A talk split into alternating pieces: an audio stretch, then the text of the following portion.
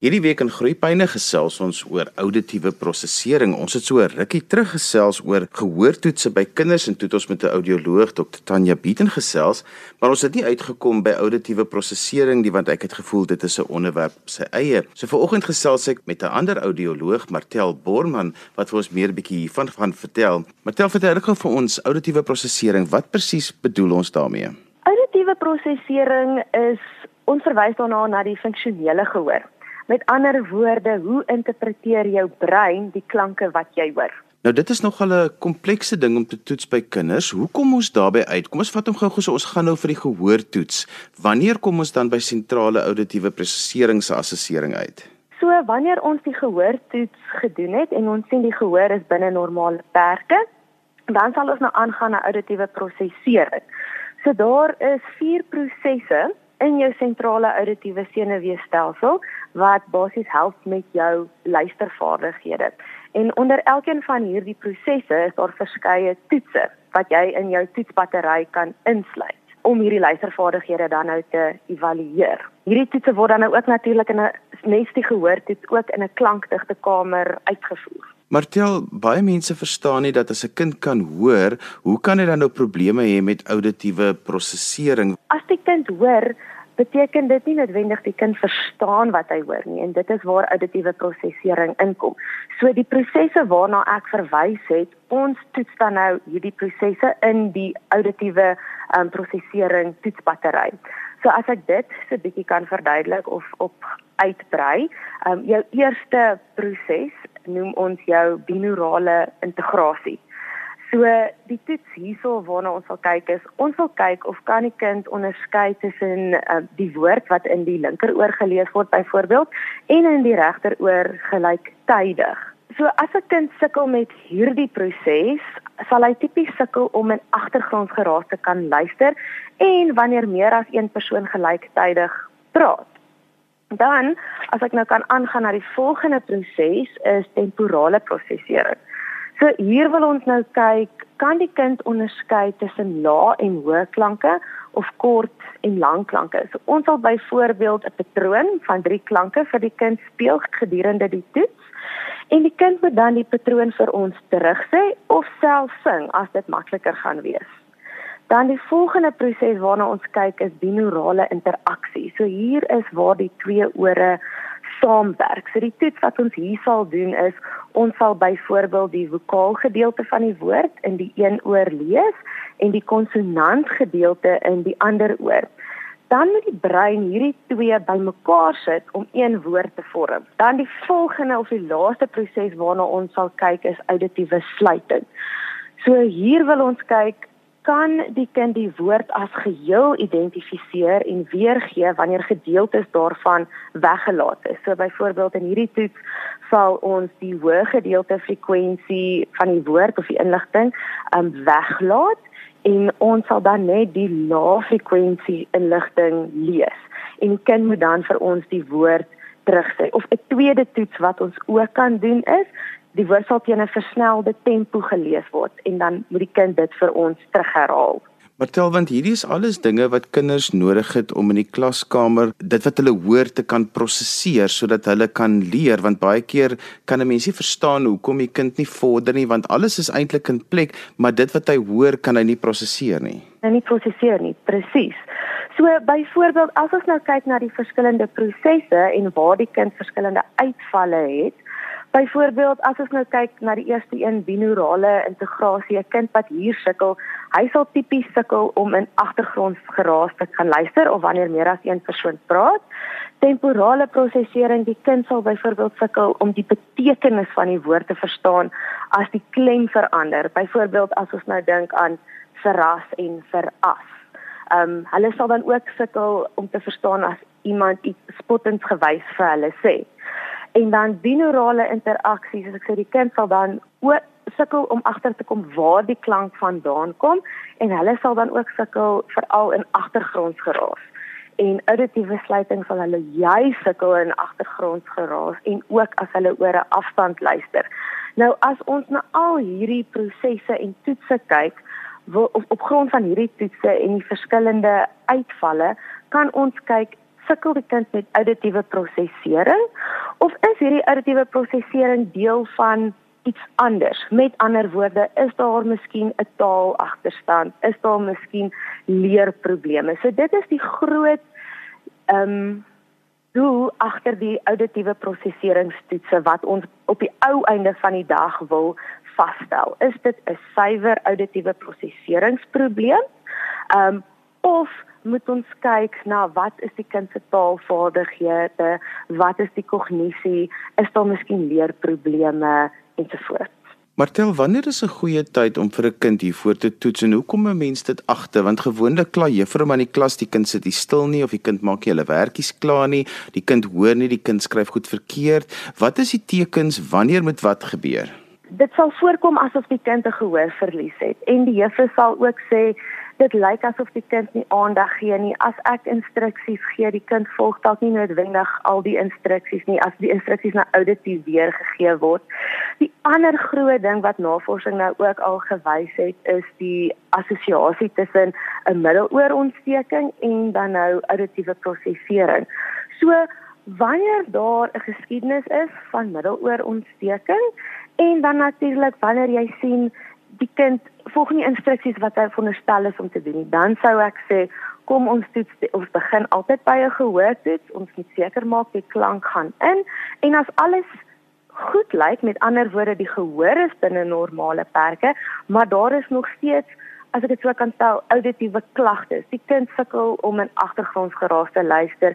Dis amper in aanhalingstekens 'n stoute kind of 'n kind wat nie aandag gee nie. Jy dink altyd dit is miskien aandag afleibaarheid dan sou ek sê kom ons kyk maar wat doen die brein met die klank.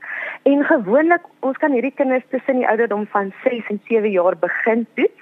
Ons kan hulle vroeër toets, maar die auditiewe um, of die sentrale auditiewe senuweestelsel is nog besig om te ontwikkel. So jy gaan dalk nie sulke betroubare resultate kry nie. So ek sou sê 'n goeie ouderdom is hierso graad R, graad 1 om dan die kinders al te kan vang. Martel, die uitvalle of word in persentasies op die verslag aangedui. Hoe werk daardie persentasies? Mm -hmm. So daai persentasies, daar is norme vir elke ouderdomsgroep. So ons sal die toetse uitvoer en dan sal daar nou 'n toetstelling wees en dan sal ons hierdie toetstelling vergelyk met kinders van die spesifieke kind se ouderdomsgroep en daarvolgens werk ons 'n persentasie uit en dan kan ons ook sien is dit binne normale perke of is dit tipiese auditiewe prosesseringsontwikkeling of is daar 'n mate van 'n agterstand. So dit is basies wat daai persentasie beteken en die persentasie sal natuurlik vir elke ouderdomsgroep verskil. Martel, dis nog 'n intense toets vir kinders want dis nog 'n langerige toets. Daar's klomp aspekte wat getoets word. So daar's ook baie ander faktore wat sulke toetsresultate kan beïnvloed. Mm, definitief, definitief. Aandag, konsentrasie. Ehm um, want die kind moet nou natuurlik vir 'n goeie 45 minute in die klankdigte kamer sit en en konsentreer en luister. So daarom toets ons dit ook in 'n klankdigte kamer. Ons wil so soveel as moontlik faktore kan kontroleer. En natuurlik ons wil vir taal ook kan kontroleer want taal kan natuurlik ook 'n rol speel. So ons sal miskien die toetse wat ons gebruik sal dalk nou nie soveel op hoe kan ek sê taal spesifiek wees nie ons sal met die temporale prosesering sal ons die klanke hoog en laag die klank onderskei en lank en kort en dan sal ons syfers ook insluit met die die woord wat in die een oor gelees word en die woord wat in die ander oor gelyktydig gelees word. Net om so 'n bietjie vir die taal te kan um kontroleer en dan natuurlik aandag. Jy sal dan nou terwyl jy besig is om die kind te evalueer sal jy ook al klare idee kry. Sjoe kan die kind nou aandag gee sukkel hy se bietjie is daar iets in die vertrek wat sy aandag aftrek dan sal mens luisterbreekies gee. So ek gee graag vir die kinders luisterbreekies tussen die toetse.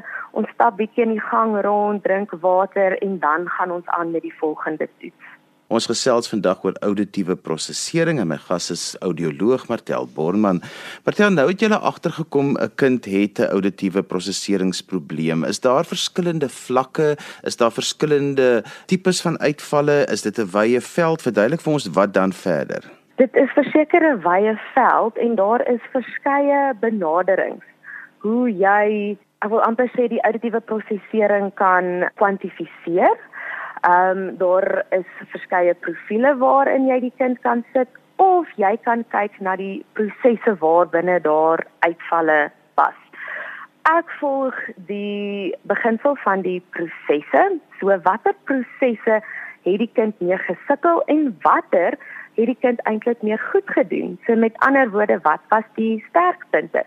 So as ons nou kyk na binaurale integrasie as die kind hier uitvalle gehad het, hoe ons hierdie kind gaan help, so 'n kind sal 'n goeie kandidaat wees vir 'n FM-stelsel. Ehm um, ons sal ook sekere tegnieke in terapie gebruik, byvoorbeeld ons sal die gotiese luisteroefeninge insluit. So binaurale integrasie net weer eens, dit is waar die waar die woord in die een oor gelees word en 'n ander woord in die ander oor dieselfde tyd. So ons oefeninge sal dieselfde wees waar ons woorde gelyktydig in die ore lees en die kind moet dit vir ons terugsê net om daai senuweebane te versterk. As die kind miskien uitvalle het op temporale prosesering, hierdie kind is byvoorbeeld nie 'n goeie kandidaat vir 'n FM-stelsel nie, want ons sien met hierdie kinders, hulle auditiewe gedrag in ideale of stil omgewings en dan nou as daar agtergrondgeraas is, is presies dieselfde. So hier sal ons meer werk aan patroonherkenning, opeenvolging. Kan hulle vir ons 'n patroon herken en terugsê soos wat ek gesê het, daai klankies wat ons vir hulle speel met die verskillende ehm um, frekwensies of hoe lank of hoe kort dit is. Ehm um, so ons sal sulke tipe oefeninge insluit in terapie en ons sal juis fokus op stories vir hulle lees met oordrewe intonasiepatrone. Byvoorbeeld ons sal sê dis vandag Nemo se eerste skooldag. Kom nou pappa, roep Nemo. Ons sal verskriklik daarop fokus. Dan as die kind byvoorbeeld uitvalle het op die neurale interaksie, weer eens hoe die twee ore saamwerk. Hierdie is ook verskriklik belangrik om te kan luister in agtergrondgeraas, so hierdie kind gaan ook 'n goeie kandidaat wees vir 'n FM-stelsel. Maar die tegnieke wat ons dan in terapie sal insluit is auditiewe sluiting. Met ander woorde, ons sal 'n woordjie vir die kind sê natuurlik binne konteks en dan sal ons miskien 'n gedeelte van die woord weglaat en die kind moet daai woordjie volledig vir ons terugsê. Byvoorbeeld ons sal sê hy en die kind moet vir ons terugsê huis. Ehm um, ons sal natuurlik ook ehm um, spraak en geraas oefeninge doen. So dit sal dan nou natuurlik wees waar daar agtergrondgeraas is en die kind moet kan fokus op die instruksies wat ons dan nou vir hom gee. Dan die laaste een, auditiewe sluiting, dis baie dieselfde as auditiewe interaksie. So 'n kind is ook 'n goeie kandidaat vir 'n FM-stelsel. Ehm um, hier sal ons die woordeskat wil opbou of uitbrei, net seker maak die kind verstaan die taal en verstaan die woord, want dalk is dit hoekom hulle sukkel met auditiewe sluiting want hulle verstaan dalk nie die woord nie. En dan boonop is daar agtergrondgeraas wat die woord amper smeer. As ek dit nou in aanhalingstekens kan sê, dit maak nie 'n duidelike auditiewe sy nie, so die kind kan dan nie optimale auditiewe sluiting doen nie. So dan sal ons woordeskat uitbrei en definitief ook auditiewe sluiting oefeninge insluit.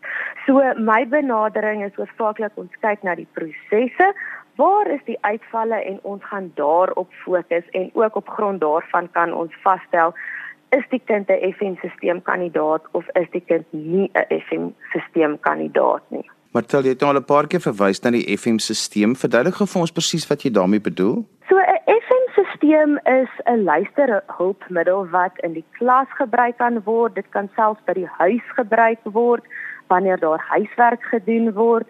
So dit bestaan hoofsaaklik uit twee dele. Die kind dra die gehoorstukkies in Engels noem ons dit die receiver. So hy dra dit op die ore, dit lyk soos gehoorapparate en dan die juffrou sal die mikrofoon om die nek dra. So die mikrofoon tel dan die juffrou se stem direk op en stuur daai klank na die gehoorstukkies wat op die kind se ore is. So die kind hoor dan die juffrou se stem in die oor. So dit help om oor afstand te kan luister want wanneer ons oor 'n afstand luister, behalwe dat die klank of die spraak sagter word, daai hoë frekwensie inligting um verdwyn. So dit help my dit weer eens auditiewe sluiting en dan veral help dit met agtergrondgeraas omdat die klank dan nou direk in die oor gespeel word. Maar tel vir hoe lank sal 'n kind dan byvoorbeeld van 'n FM-stelsel gebruik moet maak? So dit hang af van kind tot kind. Ek beveel altyd aan ons het nou die auditiewe prosesering getoets. Ons sien daar is uitvalle, die kind is 'n uh, 'n um, FM-stelsel kandidaat en dan gaan ons voort met die passing en dan sal ons definitief terapie insluit en ons sal daai vordering meet. Um informeel elke 3 maande, maar dan sal ons op 6 maande of na 6 maande sal ons hierdie toetsbattery weer 'n keer herhaal. En dan gaan ons dit vergelyk met ons heel eerste toets of auditiewe prosesering toetse wat ons gedoen het en dan kan ons sien as die kind binne normale perke funksioneer, dan sal ek sê ons kan die FM-stelsel staak. As ons sien die kind is nog nie waar hy moet wees nie, dan gaan ons aan met die FM-stelsel en ons gaan aan met terapie en ons evalueer weer 'n keer oor 6 maande. So dit gaan afhang, dit gaan afhang van van elke kind se vordering. Martel, die terapie waarna jy verwys vir al die ander uitvalle wat jy net by uitgekom het, wie doen dit gewoonlik? Is dit doen die audioloog dit self want ek weet die audioloog fokus ons maar redelik op die passing en op die en op die gehoortoetsing. Ja, dit is 'n baie interessante vraag. So wanneer dit auditiewe prosesering is, um of as ek nou in aanhalings kan sê wanneer dit suiwer auditiewe prosesering is. So die kind sal dan byvoorbeeld uitvalle hê op auditiewe sluiting, temporale prosesering en binaurale integrasie. En daar is glad nie 'n taalagterstand of 'n taalkomponent nie. Dan sou ek sê kan die audioloog hierdie terapie doen. Maar wanneer ons sien hierdie auditiewe prosesering vorm miskien deel van iets groters of iets anders, daar is miskien 'n taalagterstand byvoorbeeld die kind sal uitvalle hê op temporale prosesering en binaurale integrasie, dan is hy gewoonlik bekommerd vir so 'n bietjie um, 'n um, taalagterstand. En dan sou ek die verwysing maak na die spraakterapeut toe en met my verslag kan hulle kan hulle hulle sal dan nou natuurlik hulle eie evaluasie doen, maar dan kan hulle my aanbevelings insluit in hulle terapie. So hulle sal dan taal aanspreek en dan auditiewe prosesering. So eintlik Hierdie wil ek sê is 'n span poging, 'n span benadering. So dis of die audioloog of die spraakterapeut wat hierdie kan doen afhangende van die resultate wat ons kry. Martel, wat is die suksessyfer om dit op te los? En as 'n mens nou 'n kind het wat in sê maar hoër in die laerskool is en niemand het dit nou opgetel nie want baie keer glip kinders mos nou maar net deur die stelsel, kan dit nog op 'n later of op 'n hoër ouderdom ook gekorrigeer word? Verseker, verseker, daar is navorsing gedoen en en artikels gepubliseer waar hulle wel tieners wat hulle eers later opgetel het, um, weer eens daar was nie taalagterstand gewees nie, maar definitiewe auditiewe prosesering. Hulle het bietjie intensief gegaan. Ehm um, so jy sal dan daai kind 3 keer 'n week sien vir intense terapie. Jy sal 'n tuisprogram vir hulle gee. 'n FM-stelsel natuurlik as die kind 'n FM-stelsel kandidaat is, versnel amper net die proses en dan is daar definitiewe vordering al binne 6 weke. Martel, dit is belangrik dat elke ouer hulle kinders se ore tog maar moet laat toets om net doodseker te maak en baie keer dan is Boeta of Sissie nou baie woelig in die klas en hulle kry baie keer nou maklik medikasie en dinge, maar min mense vermoed dat kinders op daardie stadium alreeds 'n auditiewe prosesseringsprobleem kan hê. So dit help maar tog om jou kinders te toets om seker te maak of dit eenkant daai boksie af te merk, dit is nie 'n probleem nie of dit is 'n probleem. Verseker, want hierdie tipe kinders in die klaskamer dit lyk asof dit 'n kind is met aandagprobleme, hulle is dalk aandagafleibaar. Ehm um, soos ek sê, hulle dink dit is 'n stout kind. En dan is mens baie maklik of geneig om dalk sommer dadelik na die neuroloog toe te gaan, op medikasie te sit en dan is soos jy sê, hierdie boksie nog nie getik nie. En ek voel dit is baie belangrik. Ons moet in die eerste plek seker maak daai klank gaan in die met ander woorde die gehoortoets, jou standaard gehoortoets en dan moet ons net kyk maar wat doen die brein met hierdie klank? Is dit 'n auditiewe prosesseringsprobleem of is dit daar is aandagafleibaarheid of daar is 'n taalagterstand en as gevolg van dit sukkel die kind dalk met auditiewe prosesering.